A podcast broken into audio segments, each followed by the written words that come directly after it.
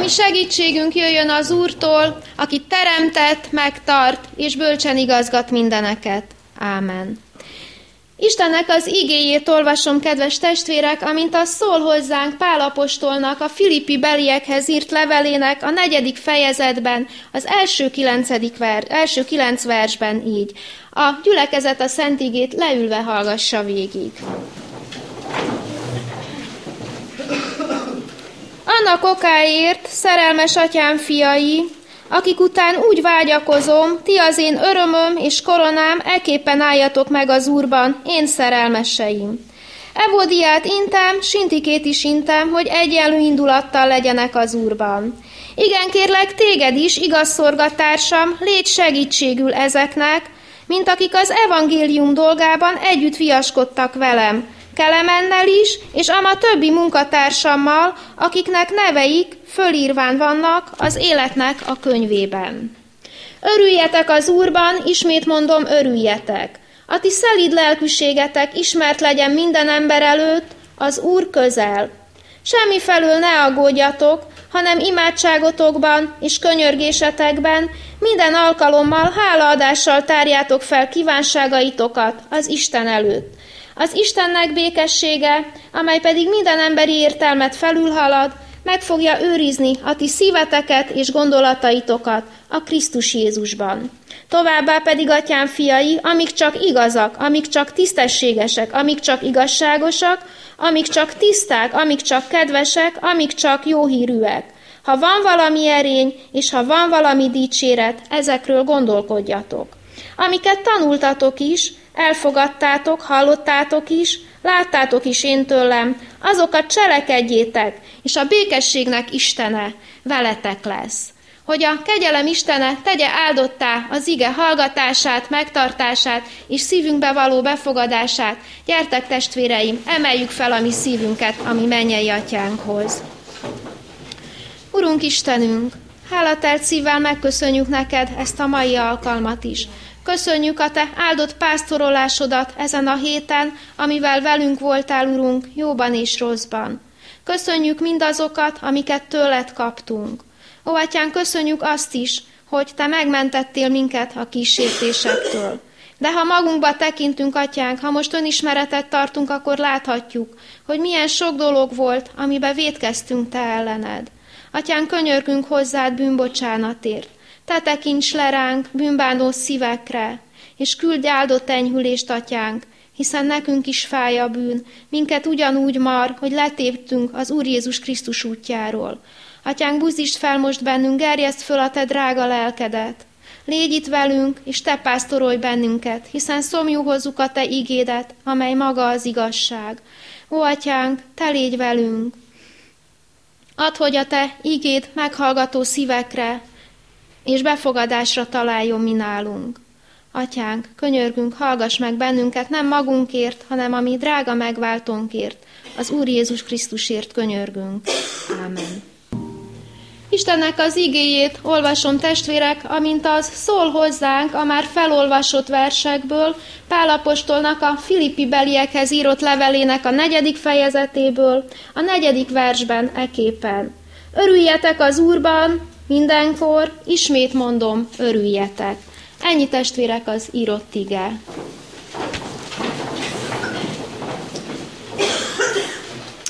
Kedves testvéreim! A minap egy pszichológus ismerősöm azt mesélte, hogy hogyan is tudja megkülönböztetni a pessimista embert az optimistától. Azt mondja, ő a betegei elé mindig oda tesz egy fél pohár vizet, és kíváncsian várja, hogy miként fognak rá reagálni. A pessimista ember, akinek a lelke tele van keserűséggel, azonnal fanyalogni kezd, hogy miért csak egy fél pohár vizet kapott, amikor szomjas. Az optimista viszont örül neki, mondván, hogy az is jobb, mint a semmi. Az egyik szemlélete felületes, mert csak azt látja, ami ott van a szem előtt, a másik viszont képes belátni a dolgok mögé. Bizony testvérek, a földi emberek nagy többségének a pillanatnyi hangulata nagyon is hasonló ezekhez a pessimista emberekéhez. Még az örömet is beleértve, mert csak azt tudják nézni, ami ott van közvetlenül. csak a jelenben gondolkodnak. Kevesebben vannak azok, akiknek az érzései mélyebbről táplálkoznak, és úgy gondolják, hogy még a rosszból is lehet jó dolgokat kihozni, mert nem vagyunk egyedül ebben a teremtett világban. Erre figyelmeztet Pálapostól, mikor a Filippi gyülekezethez írt levelében arról beszél, tanuljunk meg mindennek örülni, amit csak elénk hoz, ami mennyei atyánk. Bízzunk benne, mert ő a pillanatnyi nehézségekből is hozhat ki jót, csak viseljük el türelemmel a jelent, és ne legyünk rossz indulattal senkihez. Az apostol azt mondja, örüljünk az Úrban mindenkor, még a próbatételek közepette is, mert igazi megnyugvást, megelégedettséget és békességet csak a léleknek ez a csodálatos gyümölcse tud adni. Ez az öröm, hogyha megváltónkra figyelünk, nem mulandó, hanem velünk marad mindig, és megbékélést ad, nem csak magunkkal, hanem másokkal, és nem utolsó sorban, amit teremtő mennyei atyánkkal. Talán megélhetetlennek tűnnek ezek a fent említett fogalmak, úgy mint az öröm, a szelítség, a békesség, hogyha csupán magunkra támaszkodunk. Felolvasott ige szakaszunk azonban pont arra tanít meg bennünket, hogy bízuk oda magunkat arra, aki az életét adta érettünk a keresztfán, és szüntelenül esedezik érettünk. Bízuk rá életünket, ami megváltó Úr Jézus Krisztusunkra. Pál a levelét, ahogy hallhatták is a testvérek, intelemmel kezdi. Mert ahogyan hallhattuk is, a gyülekezetben személyi ellentétek voltak. Két asszony testvérnek rendezetlen dolga támadt egymással, ami bizony megmérgezte ennek a kis közösségnek a mindennapi életét. Őket próbálja a vezetőn keresztül az apostol megbékíteni, úgy, hogy közben mindenkihez hozzánk is szól. Hozzád is hozzám testvérek, és a tanácsa nagyon egyszerű, amikor azt mondja, nem lehet sem magunkkal, sem pedig másokkal megbékélni saját erőfeszítésből, csak akkor, hogyha odafordulunk a mi vezérlő pásztorunkhoz, és az akaratunkat neki rendeljük alá. Mert egyedül és kizárólag Krisztusban vethetjük le indulatokkal teljes régi énünket, és csak úgy szabadulhat fel a szívünk a ránehező, ránehezedő terhektől. Így válhat valóra életünkben Pálapostolnak a kívánsága, ahogy hallhattuk is, örüljetek az Úrban. Ő a forrása annak az örömnek, amelyben megszabadulhatunk a mi keserűségeinktől, és nem teherré, hanem áldássá válhatunk a mi környezetünk számára. Az öröm, amely elsősorban azt a megnyugvást munkálja bennünk, amit az ige szelítségnek nevez. Nem egyéb ez, mint feltétlen bizalom, amelyel feltekintünk a Krisztusra. Életünk urára, aki a mi fél pohárnyi vízünket is képes egészé tenni bármikor, hogy létezni tudjunk egy olyan világban, ahol a szeretet kihűlőben van. Ez az a szelíd lelkűség, mely készítesz bennünket arra, hogy a tőle nyert ajándékokkal mások javára tudjunk élni a hétköznapokban.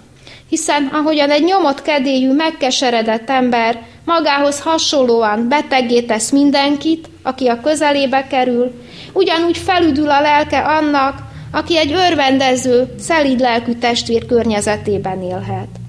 Mert az ilyen ember só és világosság azon a helyen, ahol a munkáját végzi, ahová őt az Úr állította. Itt nyilvánul meg a Jézusi hegyi beszéd egyik nagy igazsága. Boldogok a szelidek, mert ők örökségül bírják a földet. Mert vajon lehetette valaha, testvérek, az élet folyamán haraggal és gyűlölettel bármilyen jó dolgot elírni? Nagyon jól tudjuk, hogy nem. Viszont ha a saját életünkből indulunk ki, akkor bevallhatjuk, hogy a fentiek tudata ellenére is sokkal hamarabb vagyunk hajlamosak arra, hogy helyet adjunk a negatív gondolatoknak és indulatoknak, mert ez bizony sokkal könnyebb, mint egy pillanatra megállni, és felfelé, Krisztus felé tekinteni. Olyan sokszor könnyebb haragoskodni, hőbörögni, mint az Úra helyezni a gondokat. Azt tenni, amit az apostol is javasolt a vezetőnek, Evódia és Sintiké a két asszony esetében. Pál ugyanis nagyon jól látta, hogy ez az ellenségeskedés hosszú távon mennyire veszélyes. Hiszen nyilván mind a két asszony nagy közkedveltségnek örvendett a gyülekezetben, és a munkájukra is nagy szükség volt. Kettejük tartós visszája azonban először megosztotta volna a közösséget, végül pedig szét is zülleszthette volna. Pál tehát joggal félti a filippi belieket, mert nagyon jól tudja azt, hogy hova vezethetnek az elszabadult indulatok. És az egyedüli megoldást az bizony az összefogásban látta. Abban, hogy egy akarattal közösen forduljanak az Úr felé, feltárva előtte minden gondjukat, így védve ki a gonosznak a támadását. Mert az igazi szelítség nem ismeri az önzést, és mentes a keménykedésektől. Nagyon gyakran hallom a környezetemben élő emberektől, hogy nincsen rosszabb, mint egy szűk látókörű, megkeseredett ember. Az, aki úgy érzi, hogy csalódott a világban, mert az élete nem úgy alakult, ahogy eltervezte. Erre mondja azt Pál, hogy tanuljuk meg mi alkalmazkodni a különböző helyzetekben. Tanuljunk meg szűkölködni, és tanuljunk meg bővölködni. Próbáljunk meg elégedettek lenni mindenkor azzal, amit Isten nekünk adott. Tapasztalatból beszél, hiszen apostoli munkája alatt, tudjuk jól, bőven volt része mindkettőben. Ő tényleg tudott hálát adni a legkeservesebb helyzetekben is, sőt, börtönben, cellákban, zsoltárokat énekelni a halál árnyékában. Idős lelkipásztoroktól nagyon sok történetet hallottam régebben a múlt rendszerbe átélt nyomorúságokról. Tudjuk jól, hogy nem egy életet tettek tönkre ezek a keserves évtizedek. Sok lelkész belebetegedett, belekeseredett a megpróbáltatásokba. Ugyanakkor furcsa volt számomra, akkor ott teológusként, amikor azt hallottam, hogy milyen szeliden és megbocsátással tudnak beszélni erről az időszakról. Visszaemlékezni minden harag nélkül azokra a dolgokra, amik velük történt. Példát adtak, hogy Pálapostól módjára hogyan is lehet és lehetett megmaradni az Úr Jézus Krisztus útján a legnehezebb, legkeservesebb időkben. Munkatáborokban, vagy eldugott kis falvacskákban. Miképpen adott az Úr azokon a helyeken is csodálatos szolgálatokat, szívet felemelő, melengető tapasztalatot. Talán nem ismeretlen Tobos Károly lelkipásztor neve a testvérek körébe. Őt a fasorból telepítették ki a legdurvább években, és ugyancsak ő mesélte, hogy amikor javába folyt a fővárosba a gyülekezet rombolás, akkor ők abban a pici faluban, ahol, ahol helyezték, templomot tudtak építeni a hívekkel. Mert aggodalmaskodás és heveskedés helyett ezek az emberek örülni tudtak. Érezték minden jó rájuk nézve, amit az Úrtól kaptak az ő életükben, még akkor is, ha pillanatnyilag a helyzet teljesen mást mutat. Ezek az emberek tisztába voltak az ige szavaival, Semmi felől ne aggódjatok, hanem imádságban és könyörgésben minden alkalommal hálaadással tárjátok fel kívánságaitokat az Isten előtt. És ha mi is követjük a példájukat, nyitott szemet kapunk, hogy hálaadással tudjunk élni mindenkor, azzal, amit az Úr adott nekünk. Új távlatok nyílnak előttünk, és soha nem fogunk megkeseredett emberekké válni. Az örvendező, elégedett élet, az Isten békességét adja mindenkinek. Ez a békesség pedig soha nem fogja hagyni, hogy valaha is rossz útra tévedjen az életünk, sőt mindenkor meg fogja adni a mi Úr Jézus Krisztusunkban való örvendezést. Amikor erre az ige hirdetésre készültem testvérek, és az örömről gondolkodtam, akkor egy nagyon szép áprili Lajos vers jutott az eszembe. A versnek a címe a Csavargó a halálra gondol. Nehéz sorsú, társadalomból kivetett ember örökít meg a költő ebben a versében. Szomorú, nyomorúságos az élete, de mégis van benne valami megdöbbentő. Ez a csavargó tud örülni annak, amit Isten neki adott. Hálával és békességgel a szívében szól azokról az ajándékokról, amit Ura a napok és az évszakok váltakozása közben juttat neki. Csak egy barlang az övé az erdő mélyén, a természet adta vagy gyümölcs az eledele, de mégsem elégedetlen, és nem szűk, szűkölködő, sőt a következőket mondja. Zöld asztalomon vad gyümölcs az étel, otthon kínáló tűz nem mint felém, de mond, volt-e valaha szép világod valakié úgy, ahogyan enyém? Köszönet és öröm csendül ki a sorok közül. A kevésnek is örülni tudó ember elégedettsége. Van békessége, mert az életét Istenére bízta, teljesen ráhagyatkozik. A társadalom szemében nyomorult, szánalomra méltó ember, és talán mégis gazdagabb, mint akár mi itt, akiknek fedél van a fejük fölött, és étel kerül az asztalra. Mert ez az ember átadta szívét az ő megváltó Jézusának. És tulajdonképpen hasonló a Zsoltároshoz, aki így ír a 23. Zsoltárunkban, vesződ és botod megvigasztal engem.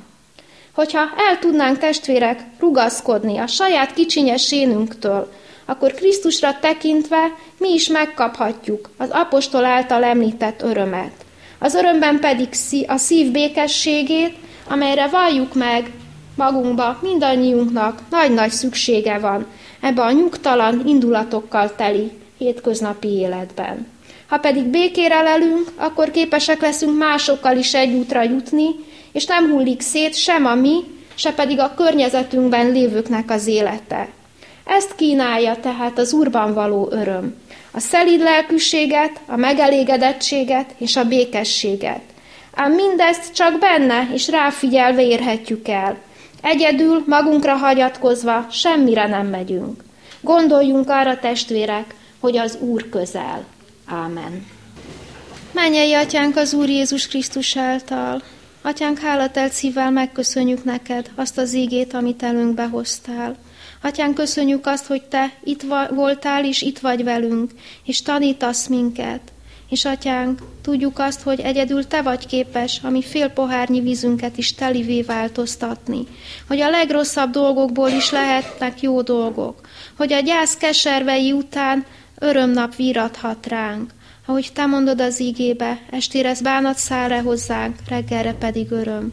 Ó, atyánk, növeld a mi apró kis hitünket, hogy úgy tudjunk gondolkodni, ahogy Pálapostól, hogy tudjunk szűkölködni és bővölködni a szeretetben, és megörökölni, megkapni a léleknek a csodálatos gyümölcseit az örömön keresztül, a szelíd lelkűséget, a békességet és a megnyugvást. Atyánk, így könyörgünk hozzád, és kérlünk, hogy légy azokkal, akik elvesztették a héten hozzátartozójukat. Atyánk, hálát adunk neked az elhunynak az életéért, ugyanakkor könyörgünk azért is, hogy te légy a megkeseredett szívűekkel.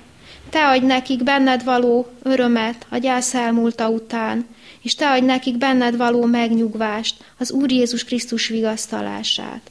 Atyán, könyörgünk hozzád az elkövetkezendő hetekért, add, hogy só és világosság lehessünk a mi környezetünkbe, nem felejtve el az Úr Jézus Krisztus szavait. Atyánk, az ő nevében könyörgünk hozzád, hogy hallgass meg bennünket. Ámen. Mi, atyánk, aki a mennyekben vagy, szenteltessék meg a te neved. Jöjjön el a te országod, legyen meg a te akaratod, amint a mennyben, úgy a földön is. Minden napi kenyerünket add meg nékünk ma, és bocsásd meg védkeinket, miképpen mi is megbocsátunk az ellenünk védkezőknek. És nem így minket kísértésbe. Te szabadíts meg a gonosztól, mert Tiéd az ország, a hatalom és a dicsőség mindörökké. Ámen. És az Istennek békessége, amely minden emberi értelmet felülhalad, meg fogja őrizni a ti szíveteket és gondolataitokat a Krisztus Jézusban. Ámen.